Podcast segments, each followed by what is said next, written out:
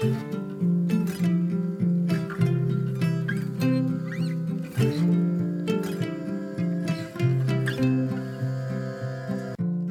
och välkommen till For Health med Anna Sparre. Vilka muskler hör ihop med vilket organ? Vad händer i din kropp om din sköldkörtel inte fungerar? Hur ser du på fötterna om njuren är överbelastad? Vilka hormonella problem kan en svag sätesmuskel och en platt rumpa vara kopplade till? Och vad händer med fötterna om du har något problem som kan kopplas till urinblåsan? Vad händer i din kropp om inte bukspottkörteln och insulinet fungerar optimalt? Varför går du omkring med ont i axeln? Här får du spännande förklaringar och kopplingar och såklart får du konkreta tips som du kan använda dig av här och nu. Du får 400 kronor rabatt med koden SPARRE på getacetrack.com. AceTrack från Diversify är utandningsmätaren som hjälper dig att förstå din fettförbränning och metabolism och mäter dina ketoner. Som lyssnare får du hela 20% rabatt på hela sortimentet på nyttoteket.se med koden SPARRE20. Hos Nytoteket kan du bland annat köpa bärpulver, kollagen, benbuljong i form av real broth och MCT-olja, helt utan onödiga tillsatser. Jag finns på facebook.com forhealth.se och på Instagram som asparre. På forhealth.se böcker hittar du mina e-böcker. På forhealth.se kan du anmäla dig till nyhetsbrevet som kommer ungefär en gång per månad och du kan även gå min distanskurs om du vill få grunderna kring kost, hälsa och viktnormalisering. Och så kan du boka mig som föreläsare, både online och på plats. Jag är så tacksam om du hjälper till att hålla podden levande genom att dela med dig av avsnittet i en Facebookgrupp, på Instagram och till vänner. Bara att gilla inläggen när de fladdrar förbi i sociala medier hjälper massor. Och gå gärna in och lämna en recension av podcasten i iTunes. Det hjälper oerhört mycket och jag läser alla. Tusen tack!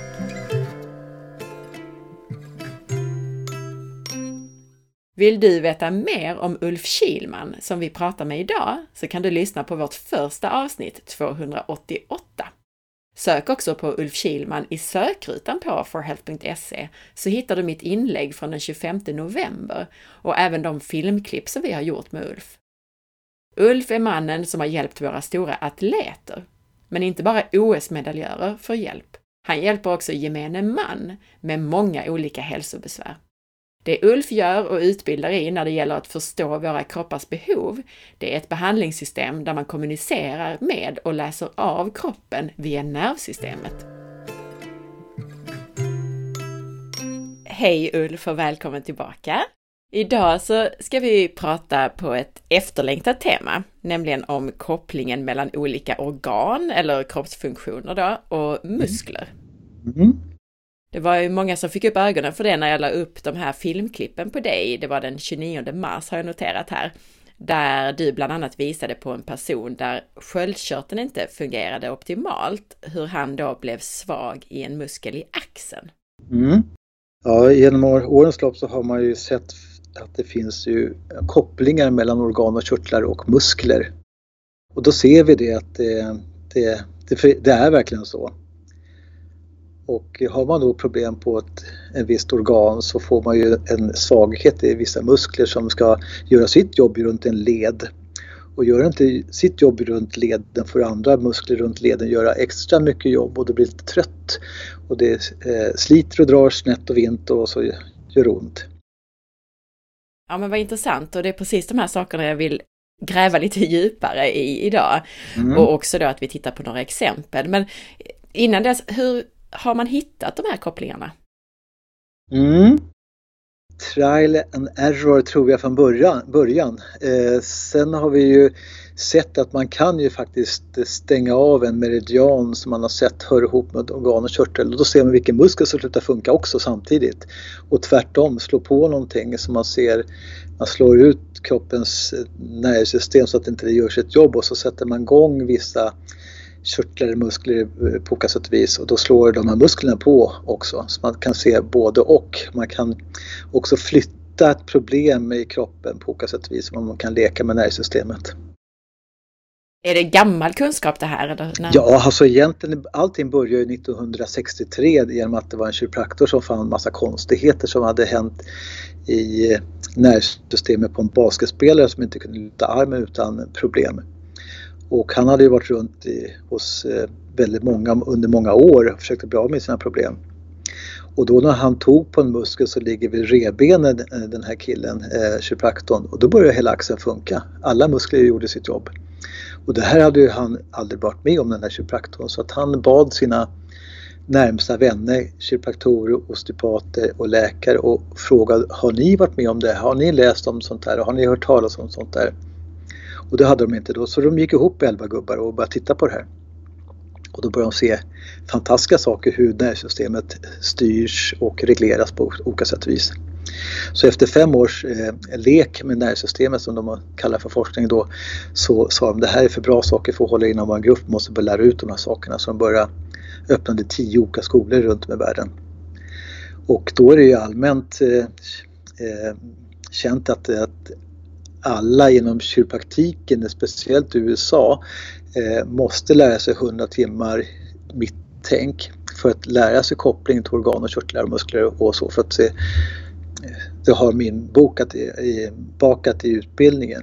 Nu börjar ju väldigt många kiropraktorer från US, England också bli intresserade av sånt här som börjar läsa det vid sidan av.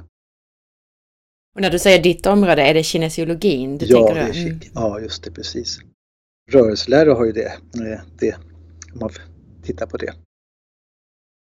Och jag tänkte låta dig välja några sådana här exempel som vi mm. kan prata om, alltså just de här kopplingarna, som till exempel den som du visade då med sköldkörteln.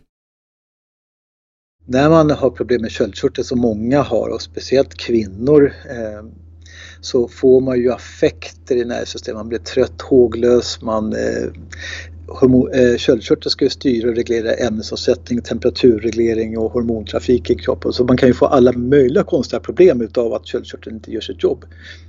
Och alltid så slutar en muskel som sitter på skulderbladet och går ut i axelleden som heter teres minor slutar fungera när köldkörteln inte gör sitt jobb. Alla muskler runt en led måste göra sitt jobb för att leden ska jobba perfekt. Och då får man massa konstiga fel i axelleden bland annat. Sen vet jag och sett också att nacken brukar oftast bli svag också i allmänhet när köldkörteln inte gör sitt jobb. Sen eh, vet jag då som eh, håller på med de här sakerna, varför gör inte köldkörteln sitt jobb då? Jo, ofta för att inte mag och tarm inte gör sitt jobb. Mag och tarm tar inte upp näringen riktigt på rätt sätt och då kan inte kroppen bilda, köldkörteln kan inte bilda dessa hormoner som den är ämnad att göra. Och hur den ska reglera det styrs av hjärnan. Men, och hjärnan talar ju om för köldkörteln, hallå öka produktionen då. Men den kan ju inte det för mag och tarm fungerar ju inte riktigt. Och då måste man ju försöka titta på det också. Och när mag och tarm inte fungerar så är själva tunntarmen som vi pratade om, som ska ta upp maten, då får man problem med rectus femoris eh, och vastusmuskulaturen som är muskler som sitter från höf höftbenskammen ner över framsida lår, över knäskålen och fäster på underbenet. Som, som böjer i, i höftled och sparkar ut i knäled. Då får man ofta problem med höfter och knäled också. Så det här betyder alltså att om man har problem med sköldkörteln får man lättare problem med axeln? Ja, det får man. Mm. Och om det då beror på det här som du säger med tunntarm och magetarm så kan man dessutom få problem runt höfter och där? Ja, knäproblem, höftledsproblem. För gör inte muskel som en stor muskel som framsida lår inte sitt jobb, då jobbar ju baksida lår för hårt. För den blir för stark mot framsidan och då drar den bäckenet fram eh, bakåt och då får man felställningar i bäckenet. Eh, man blir skör i knäleden eh, som går ner i fotleden också förstås. Så, så kroppen är ju en helhet. Men man måste försöka förstå var, var ska man börja när man jobbar, jobbar med människa. Men det är inte så sällan folk har problem med köldkörteln på grund av att mag, magen inte gör sitt jobb. Som många har problem med som sagt var. Så i det här fallet skulle man då ha börjat med magen, tarmen? Ja, folk som kommer till mig och berättar att man har problem med köldkörteln som är många så bryr ju inte jag mig egentligen om det utan jag måste se vad, vad vill kroppen börja jobba någonstans. Eh, och inte så sällan så är mag och tarm inblandade i det jobbet då. Mm. Och då kan det bero på att man äter fel mat. Man äter vetemjöl bland annat kanske som gör att tarmen inte funkar riktigt, tar inte upp näringen riktigt. Det kan vara bakterier som är, som är överproduktion på, på grund av att man äter fel mat, äter penicillin kanske och så att inte det funkar riktigt. Eh, ja, det finns alla möjliga olika saker varför inte magen fungerar på det sättet. Men inte så sällan att man äter fel mat. Och för den som är ny och inte har lyssnat på våra tidigare avsnitt så kan vi då rekommendera att man lyssnar på vårt första avsnitt, 288, nu för att förstå vad du säger när du säger att du låter kroppen berätta vad den vill prioritera. Mm. Men i övrigt var det ju väldigt bra generella råd där, att undvika vetemjöl och ta hand om ja. mage för att komma åt sköldkörteln. Mm. Och, och, då kanske problem i knä, höft, axel ja. och så vidare. Och går man djupare in och då tittar på man ser, man går nu att det, man ser att hormonerna gör inte sitt jobb riktigt. Men, för det är så att hjärnan ska bilda ett ämne som heter TSH, Thyroid Stimulating Hormon, för att styra köldkörtelsproduktion av T4 som i sin tur bildar triodin, som är det aktiva hormonet. Men för att hjärnan ska tala om hur mycket den ska tillverkas så behövs det ju eh, att, att köldkörteln har de ämnena som behövs och det är en aminosyra som heter tyrosin som i sin tur bildas utav fenylanalin som tarmen tar upp. Men då har jag sett att det är ofta saltmineraler som fattas i det där läget som gör att inte kroppen kan göra sitt jobb i det hela. Och då, då är det inte vilka salter och mineraler som helst. Det är vanligt bordsalt som man köper är ju inte tillräckligt bra. Generellt där då, med tanke på att då sköldkörteln ofta leder till de här problemen, att man har en svag eh, axel och man är svag kanske i, i höfter, runt knän och så vidare. Kan man eh, lite grann se ibland på en person att eh, okej, okay, ja men den går omkring sådär och har lite konstig hållning eller har ont i axeln, att det beror nog på sköldkörteln.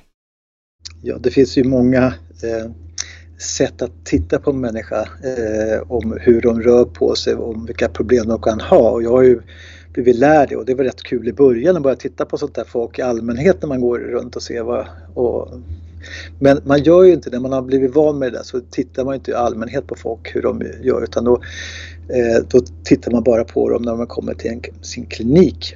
Eh, för att det, det är väl så man ska bete sig också egentligen. att, man, man att man inte går ja, fram till personer på stan. Nej, precis, precis. Det är lätt hänt i början när man är ny på det hela att, att man vill eh, skanna alla på ett sätt. Just det.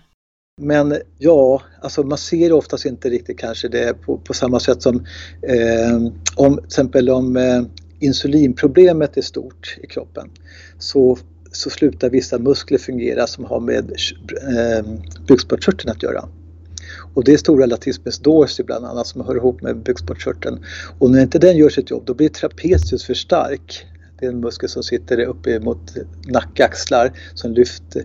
Det ska ju vara samband på det där men då brukar man oftast inte få, då åker ju axlarna upp lite grann mot nacken och upp mot bakhuvudet uppåt. Liksom. Då får man lite kort nacke liksom lite grann.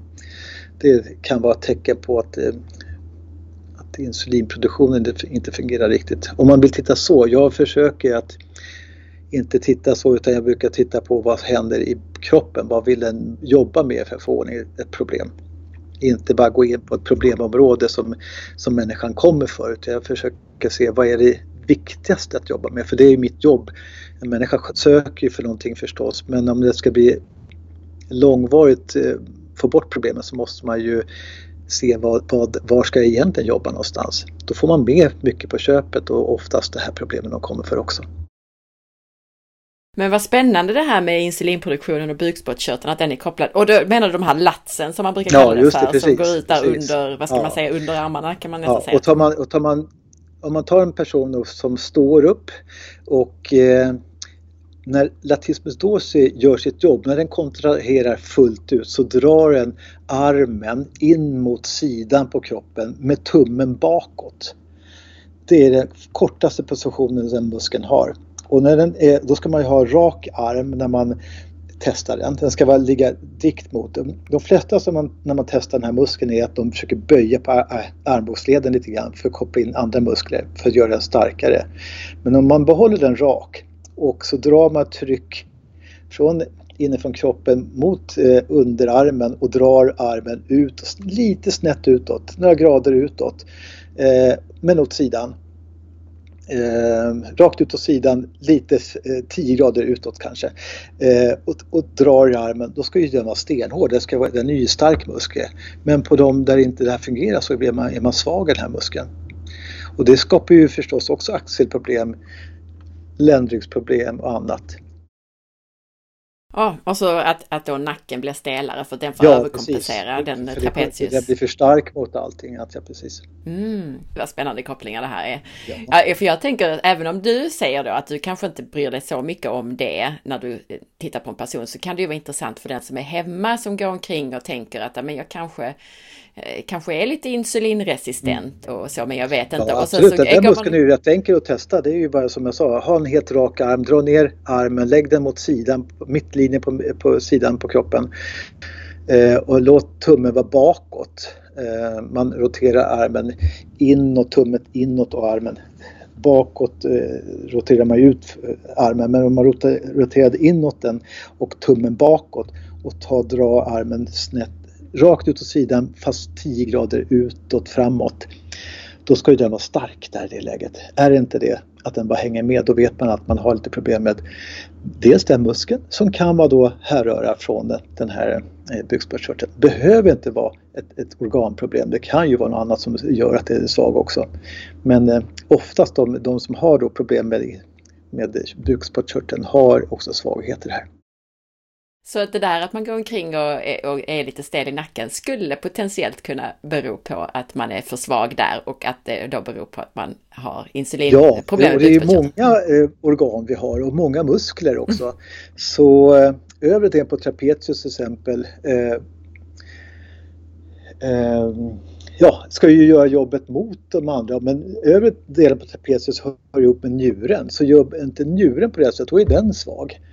Och då får ju andra muskelsvaghet eller styrkor som, som gör att det inte blir balans i nacke, axlar. Det var ytterligare en alltså? Mm. Precis, över den på trapezius hör ihop med njurarna tillsammans med iliopsoas muskulaturen som sitter på fem sista ryggradskotorna i ryggraden, på insidan av ryggraden går ihop med iliacus och sitter fäst på insidan av ilium, bäckenet och fäster på femur på insidan och stabiliserar bäcken och ländrygg. Så många som har ont i ryggen, trött i ryggen, då är, vet man att de där musklerna är ur funktion, en sida eller den andra sidan. En lite rolig sak är ju att om man går och tittar på, på eh, sommaren och går på en strand och så ser man folk ligga och solar. Då ser man att om de ligger på rygg så ska egentligen fötterna peka rakt upp. Men det gör de oftast inte utan ramlar ut lite grann och ofta brukar höger ben, eh, fot ramla ut mer än vänster för att höger njure gör oftast inte samma jobb som vänster. Och då är man ju ofta svag på den, eh, den muskeln som ska rotera upp femur så att man, foten åker i en rak ställning. Och det ser man också folk som går med fötterna utåt mycket, kalanka gående Man går utåt med fötterna. Då är ofta psoasmuskulaturen, psoasmuskulaturen ur funktion. Njurarna är trötta.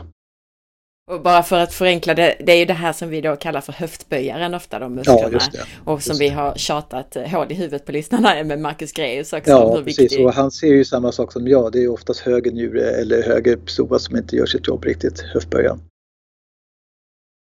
Då var det njurar och det var både kopplat till högst upp på, på axlar, nacken. Ja, trapezius övre del, ja. Och till höftböjaren då. Mm. Vad beror det på i sin tur då förresten, det här med att njurarna inte gör sitt jobb ofta? Ja, oftast så är det ju levern som inte gör sitt jobb där. Och så får njurarna överkompensera? Ja, då får de överjobba eh, och eh, när levern inte får den hjälp den behöver ha för att mag och tarm inte gör sig, tar upp näringen på det sättet eller man äter för dålig mat så får levern eh, orkar inte göra sitt jobb riktigt och då får njurarna jobba mer och det verkar som en högre njure mer, mer inblandat. Och oftast när man, det kommer en kund så där kroppen säger min högra njure gör inte sitt jobb. Då vet jag direkt, okej, okay, det antingen så måste jag undersöka, är det levern? Är det tarmen? Vilka strukturella fel får man? Jo, nackfel och ländryggsproblem. Det är de sakerna jag börjar titta på då direkt, för oftast hör det ihop med varandra. Jättespännande! Har du ännu fler sådana här exempel? Ja, det är klart jag har. Det är väl att man glömmer dem när man ska bara sitta och berätta så här. Fotledsproblem är ju inte så sällan att vi har. Musklerna som sitter nere vid fötterna är ju oftast, eh, hör ihop med eh, urinblåsa. Har man lite problem med urinblåsa får man oftast problem med fötter också. Eh, och eventuellt nackproblem. Mm. Som gör att fötterna inte gör sitt jobb riktigt. Sen finns det ju eh, uppsjö av saker som kan skapa problem med fötterna. Att man använder felaktiga skor. Man eh, har iläggssulor i skorna som ska få hålla upp valven på olika sätt och vis. Och det, det är ett aber tycker jag. Det, man kommer aldrig bli av med sina problem om man börjar göra så. Så att om man har problem med urinblåsan så kan det vara så att man blir svag i fotleden, är det det som... Ja, just det, precis. Mm. ja. Och vad brukar det bero på i sin tur då, att man har problem ja, med urinblåsan? Det kan ju vara allting från parasiter till vad som helst egentligen som gör att ett eh, urinblåsan inte gör sitt jobb riktigt fullt ut. Är det parasiter som sitter i urinblåsan eller är det? Ja, det kan både och. Det kan vara neurologer sitta upp i hjärnan som ska sen sin tur styra urinblåsan på rätt sätt. Det kan sitta där eller lokalt i urinblåsan. Ehm, ja, det kan vara olika saker som, det kan vara bakteriellt också förstås. Jag minns någonting som vi testade när jag var på kursen att eh, det var någonting med ländryggen och, och någonting, men det kanske inte är relevant för det här avsnittet. Men jo, bara... alltså det är ju klart att det, det är ju en vital sak och många har problem med ländryggen när man eh, känner sig svag och VK på alla sätt och vis. Mm. Jag var ju sån person förr i tiden också. Eh, hade ofta eh, ont i ryggen, ländryggen då. Eh, fick diskbråck till och med. Jag har aldrig problem med ryggen längre. Jag vet hur jag ska göra. Jag äter ju den maten som jag har sett fungera för mig. Jag kompletterar maten för det är inte alltid lätt att äta perfekt mat så jag måste komplettera den med rätt saker som passar mig. Jag tränar min rygg också och gärna det vad jag såg var en bra sak att göra det är ju att man när man gör eh, till exempel knäböj man ska sätta sig på huk så försöker många att man inte ska gå så långt ner för att inte knäleden ska tryckas ihop för mycket. Men jag har sett att om man verkligen går djupt in ner då blir man mycket svagare i knäböjen men man, man hjälper ryggen att börja bli stark. Man börjar där, får man lägga ner lite mindre vikt på, på saker när man tar och går ner djupt och upp. Eh, och, och bygger upp sig därifrån. Och då, då efter det så har jag aldrig haft några problem med ryggen.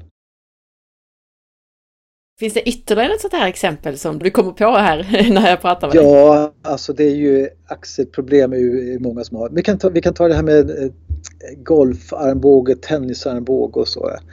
Så är det ju alla de muskler som sitter runt armbågsleden hör ihop med eh, magsäcken.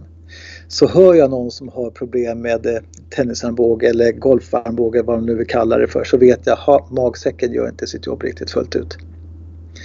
Och då blir man vek i de här underarmsmusklerna och bicepsmuskulaturen.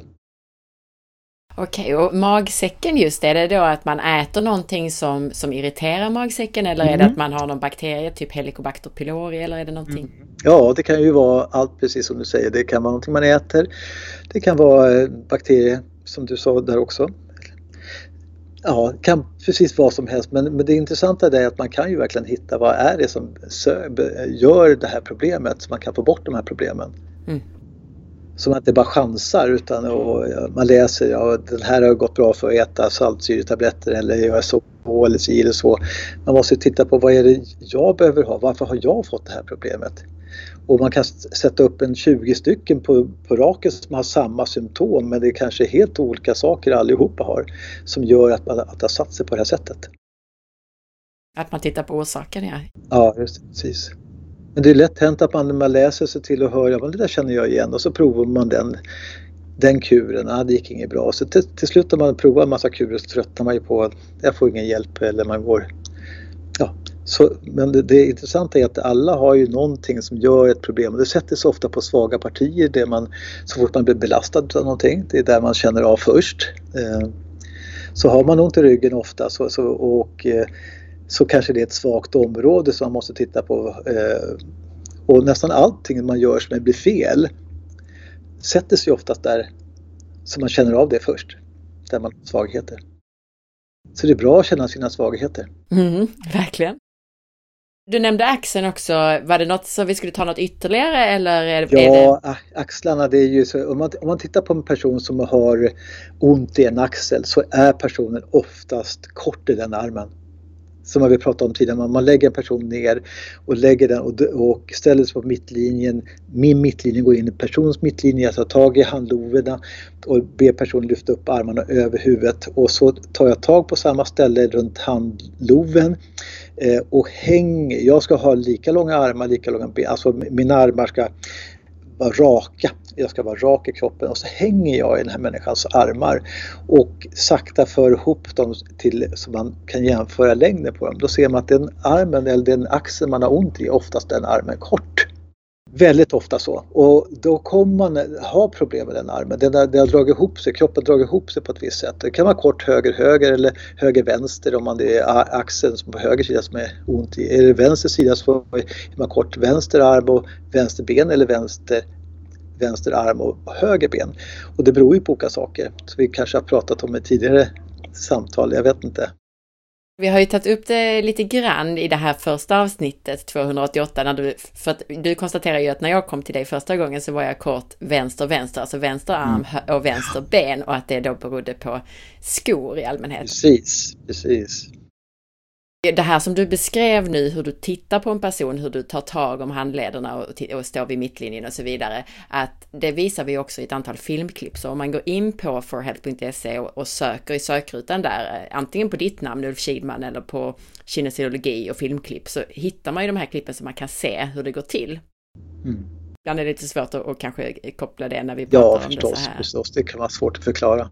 Men det är ett, vikt, ett viktigt, eh, om man ska veta att den här personens fel är riktiga fel så att det inte bara är en kompensation på något sätt, så måste personen vara rak från början. Så det är därför jag lägger mycket tid från början att titta på, är personen rak eller inte? Så man rättar till det, för då hittar man med de riktiga problemen. Det andra kan vara kompensation utav andra fel bara. Och nu med tanke på, alltså du får gärna berätta om de här olika, när du sa nu då att, att man får ont i axeln om man går omkring och är sned. Så att då sa vi då att ett kort vänster arm, vänster ben, att det ofta beror på att man har skor till exempel med en sula som är... Mm. och då ser man ju folk ofta som går lite vridet, man ser att de hänger över till vänster sida i det läget också. Om de har gått länge med det här kan vara mer eller mindre förstås men, men de som är, man ser att de lutar åt vänster så är det ju oftast att de är ju korta åt det hållet då. Och då kan man ju förstå den. Där skulle man nog behöva lära ut att, att man behöver lära den här personen att titta på sina skor. Går det åt andra hållet så ser man att den där behöver nog tänka på maten lite grann. För kort höger-höger beror på oftast att man äter vetemjöl och kroppen är väldigt känslig för vetemjöl. För den personen. Alla är känsliga för vetemjöl men den här personen är extra mycket. Mm. Jag själv hade ju ramlat ner från en stor höjd en gång i tiden och när jag mönstrade så sa de till mig på mönstringen att du börjar få skolios, sa de till mig. Jaha, sa jag, vad var det för ord? sa jag. Jo, det är att eh, din rygg har börjat vrida sig. Jaha, sa jag, varför då? Ja, det vet man inte. Men vad ska jag göra åt det då? Det vet man inte. Det vet man fortfarande inte idag. Men eh, jag har ju blivit lärd att göra folk raka men jag fick aldrig svar på varför. Så jag har bosatt mig med människor som eh, oftast är korta vänster, vänster och så ser man när triggas det här igång? Va? Jo, utav skor.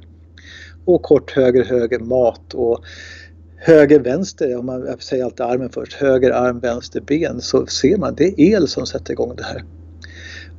Är man vänster, höger som jag var, då vrids ju kroppen. Man får skoliosaktig, man vrids i, i kroppen. Överkroppen vrids oftast till vänster i det läget då och underkroppen mer åt höger. Eh, det beror på trauma, men trauma behöver inte vara så stort. Jag hade ramlat ner från stor höjd när jag var liten grabb och slagit i höften men det kan vara så illa så att man dricker kaffe, ett kaffesort som man inte tål eh, som kan skapa trauma eller el eller någon är dum mot en, eller någonting som kan skapa trauma i kroppen. Så alla de andra sakerna kan egentligen skapa trauma? Ja, mm. precis. Så, så, det, så traumat är lite, då måste man vara lite nyfiken. Det andra kan man direkt säga, hallå, det här måste du göra på det här sättet. Och jag tänkte tipsa också när det gäller just skor, om man går omkring och är sned åt vänster och man tänker att det kanske kan vara skorna. Så för mig funkar de flesta skor om jag bara sliter ut den här innersulan eh, som du mm. har lärt mig för att den är ofta behandlad med något sånt här antibakteriellt ämne som kroppen nog reagerar mot. Ja, precis så är det. Och ingen tål det här sulorna som ligger i skorna tyvärr. Men alla blir inte snea. Men alla får lite störningar i nervsystemet utav det. Går man då omkring och är sned åt höger och man tänker att det kan bero på mat så är det som du säger det första att ta bort då är ju vetemjöl. Ja, råg, korn och havre gör inte samma effekt där. Så det är inte gluten som gör det fel utan det är just vetemjölet som gör den effekten. När min son kommer hem från fritids och, där, och, och han har ätit mellanmål så jag gissar att unga friska barn de, de klarar rätt mycket mer, för jag kan ju bli sned av vad som helst som jag äter nästan. Ja, Medan precis. han är ju oftast rak, men det är, några gånger kommer han hem och så är han sned höger höger, så ja. säger jag vad har du ätit till, till mellanmål? Och då ja. var det någon gång han hade en kompis med sig också, så började de prata om att det var något nytt bröd som såg väldigt onyttigt ut tyckte de. Ja, så, så, så, det är kul för dem att, att de börjar förstå det i ung, ung ålder så att de kan applicera det senare i livet. De kanske inte vill gå hela vägen ut när de är unga men och en del behöver ju verkligen veta det för att de är sjuka hela tiden och tröttnar på att bli sjuka. Men det är kul att få se och barn är ju fantastiskt eh, snabba på att snappa saker. Absolut, och öppna för att, att det kan fungera på nya sätt som de kanske inte har Ja, visst, visst, absolut. Sen kanske de inte är mogna att göra annorlunda än sina vänner Nej. än så länge, men de börjar ju få in det i huvudet i alla fall. Precis. Är det några fler sådana här kopplingar som du tänker att vi borde ta upp idag? Ja, alltså det är ju inte så sällan att man har problem med hormonsystemet, både män och kvinnor. Det är ett eh, känsligt eh, system, köldkörteln är inblandad i det förstås, men det är inte så sällan underlivet får problem. Och man kanske inte känner som att eh, ja, sexuellt det fungerar väl som det ska, eh, men det är någonting som inte stämmer riktigt. Och när inte eh, hormonsystemet är eh, med äggstockar eller, eller testiklar fungerar på det sättet, då blir man svag i gluteus maximus, piriformis och gluteus medius. Det är tre muskler som stabiliserar bäckenet också som är med i de här och då får man också ländryggsproblem och eh, man blir vek i bäckenet. Och när vi pratar gluteus så pratar vi rumpan egentligen? Ja, så. stora rumpmuskeln. Om man då går omkring och har väldigt eh, platt rumpa till exempel? Ja precis, då har man ofta problem med det där. Då, då används inte den muskeln riktigt. Eller så är man, ja, men oftast är det då att, att, att det systemet jobbar inte på rätt sätt. Och vad kan man då få för skador eller problem? Ja, som, alltså är man vek i bäckenet eh, så blir man inte stark någonstans egentligen. Man är ju eh, ja, ser man folk som inte har den här rumpan liksom, som är, utan den är bara platt lite, ja, så, så, så vet man att den här personen har åt det hållet problem någonstans. Och den är inte stark i någonting egentligen. Den kan ju bli stark i enskilda lyft med, med lyfta någonting med armen förstås och så men, men allting beror ju på hur bäcken, höften, ländryggen, allt det där, bålen, hur den jobbar. Då är det ju styrkan i kroppen överhuvudtaget. Ja, där, där har vi våra, våra primära hållningsmuskler och så. Precis. Jättespännande information Ulf. Jag tycker att vi redan har gett flera konkreta tips, men är det någonting särskilt här annars som du tänker att man kan göra hemma själv apropå det här? Ja, många så att säga, vi redan började med mag och tarm som, som många har problem med. Alltså det är ju försök, alltså det är värt att prova en, två månader. Ta, var duktiga att ta bort vetemjöl fullt ut. Det finns ju, idag finns det, förr i tiden var det svårare, men idag finns det ju substitut till det här om man nu vill äta bröd. Eh, det brödet kanske inte är hundra heller, om man tittar på innehållsförteckningen, men det är bättre än vetemjöl eh, som man har i. För det hjälper tarmen väldigt, väldigt mycket att börja fungera bättre. Om man nu har hormonella problem som köldkörtelproblem och sånt där. Om man tar bort vetemjöl, gärna eh, mjölkprodukter också, men de som är jättekänsliga för mjölk vet ju nästan om det, att den blir pruttig, dålig i magen och sånt där. Så de har nästan alltid slutat med det då. Och I vuxen ålder så använder vi inte så mycket mjölk längre. Som var väldigt nyttigt tyckte, tycker, eh, tyckte folk förr i tiden att man skulle dricka mycket mjölk. Men om man nu ser till att man tar bort vetemjölet.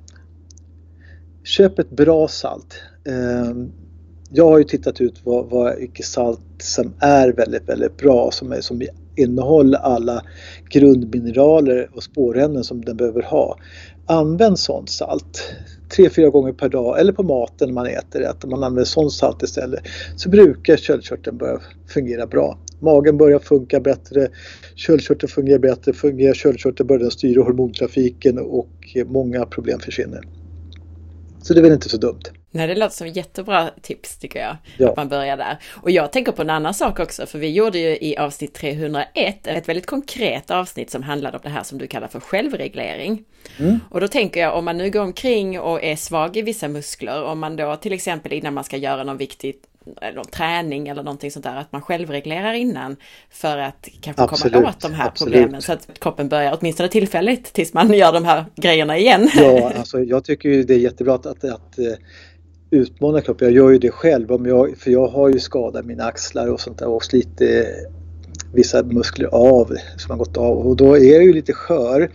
Men jag kan göra allting utan problem egentligen. Men när jag ska lyfta mig själv till exempel eh, kin som det heter, man lyfter sig eh, armarna uppåt. Så då stannar jag till där efter med en gång och så känner jag nacken och känner jag på min trapezius, den här stora muskeln som ligger uppe vid nacken då. Och då blir den hård ofta. Då vet jag att det här är ingen idé att fortsätta för mig utan då gör jag den här självregleringstesten som finns på de här programmen som vi pratar om nu.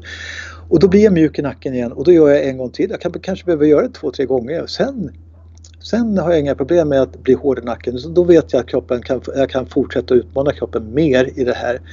Men att fortsätta när man är hård i nacken, sten, alltså man känner att man är hård i nacken, så, så är det egentligen inte så bra att träna vidare för då har man lagt på sig ett fel.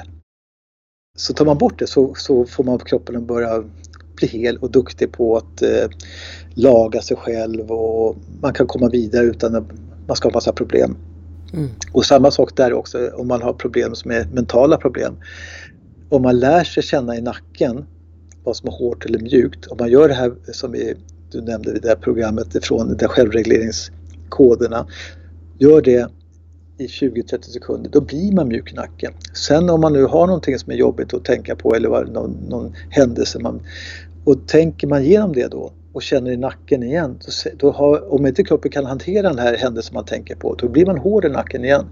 Och då åter, och återupprepar man själva den här tekniken tills man kan tänka på det här utan att bli hård i nacken. Då vet man, nu sätter inte jag ner det här som en belastning i kroppen utan då har man lagat sig och då är det inte lika jobbigt att tänka på.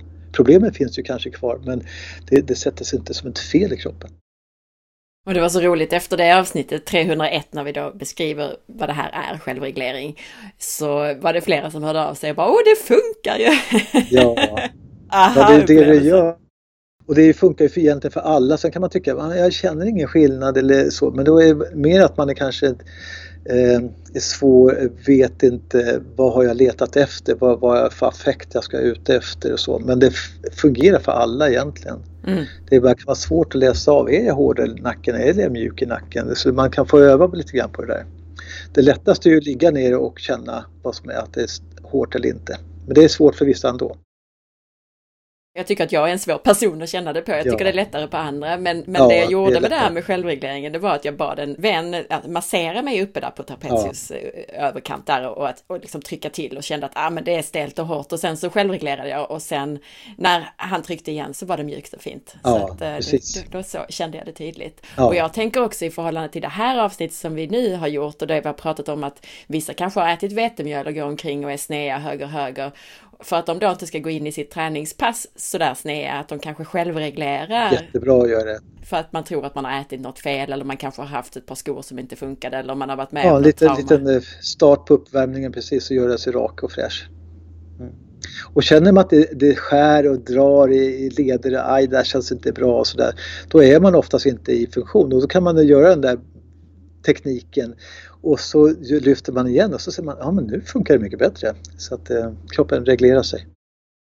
Och det är ju bra att kombinera den här, ska vi säga, tillfälliga lindringen som man då kan kalla detta mm. för med att man också tar tag i det som faktiskt är problemet. Som du sa, att man tar bort vetemjöl och så vidare. Visst, visst. Och att uh, göra det när man vaknar till lunchen och eftermiddagen och sen innan man går och lägger sig och sover så man får sova ett bra till ja, ett bra läge är ju jättebra för kroppen.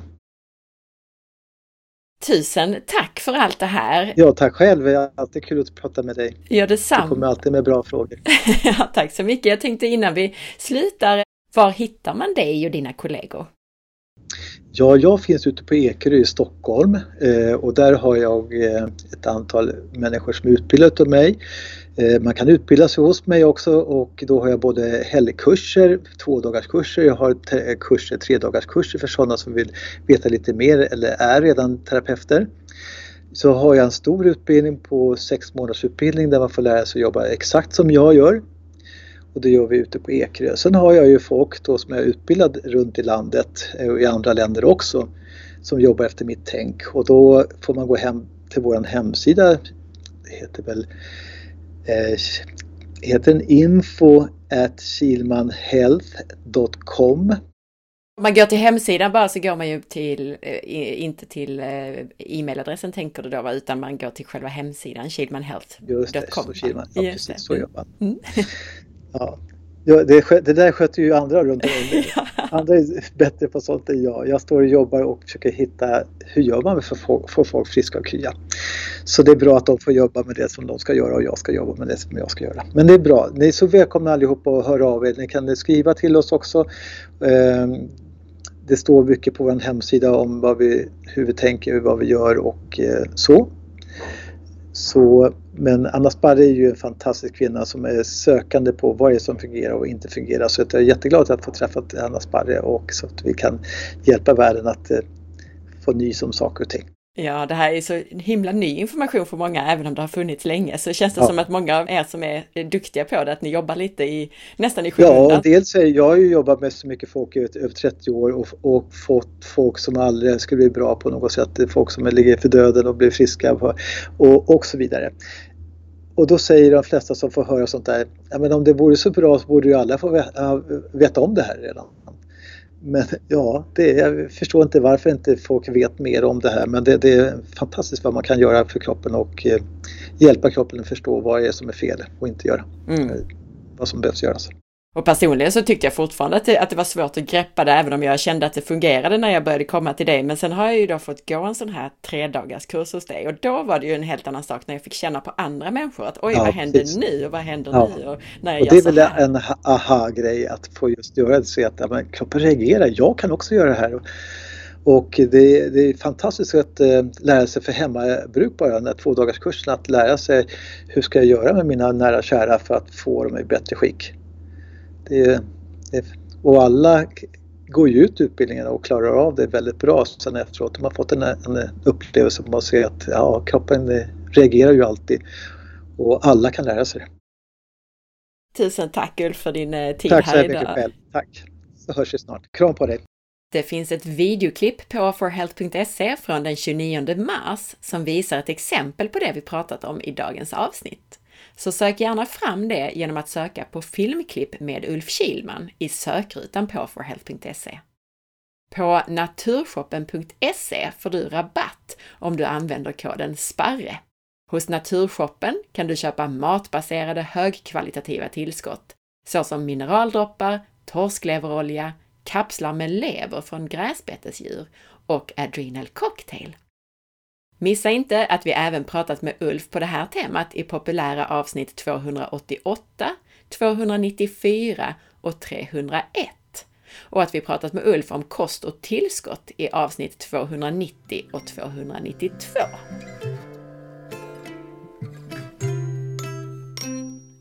Tack för att du lyssnade! Jag hoppas att du gillade avsnittet. Dela med dig av det så att fler får ta del av den här spännande informationen om hur kroppen fungerar. Är du ny med att lyssna på podden? Missa då inte avsnitt 300 som heter Börja här! Ett avsnitt som guidar dig rätt i kost, hälsa och bland alla de över 300 podcastavsnitten. Veckans recension i iTunes är från Petter som skriver Väldigt innehållsrikt och tar upp många, många aspekter av hälsa.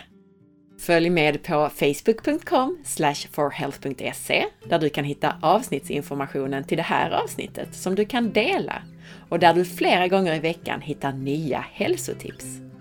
Följ också mig på Instagram via asparre och titta in på bloggen på forhealth.se. Ha en fantastisk dag! Vi hörs snart igen. Hej då!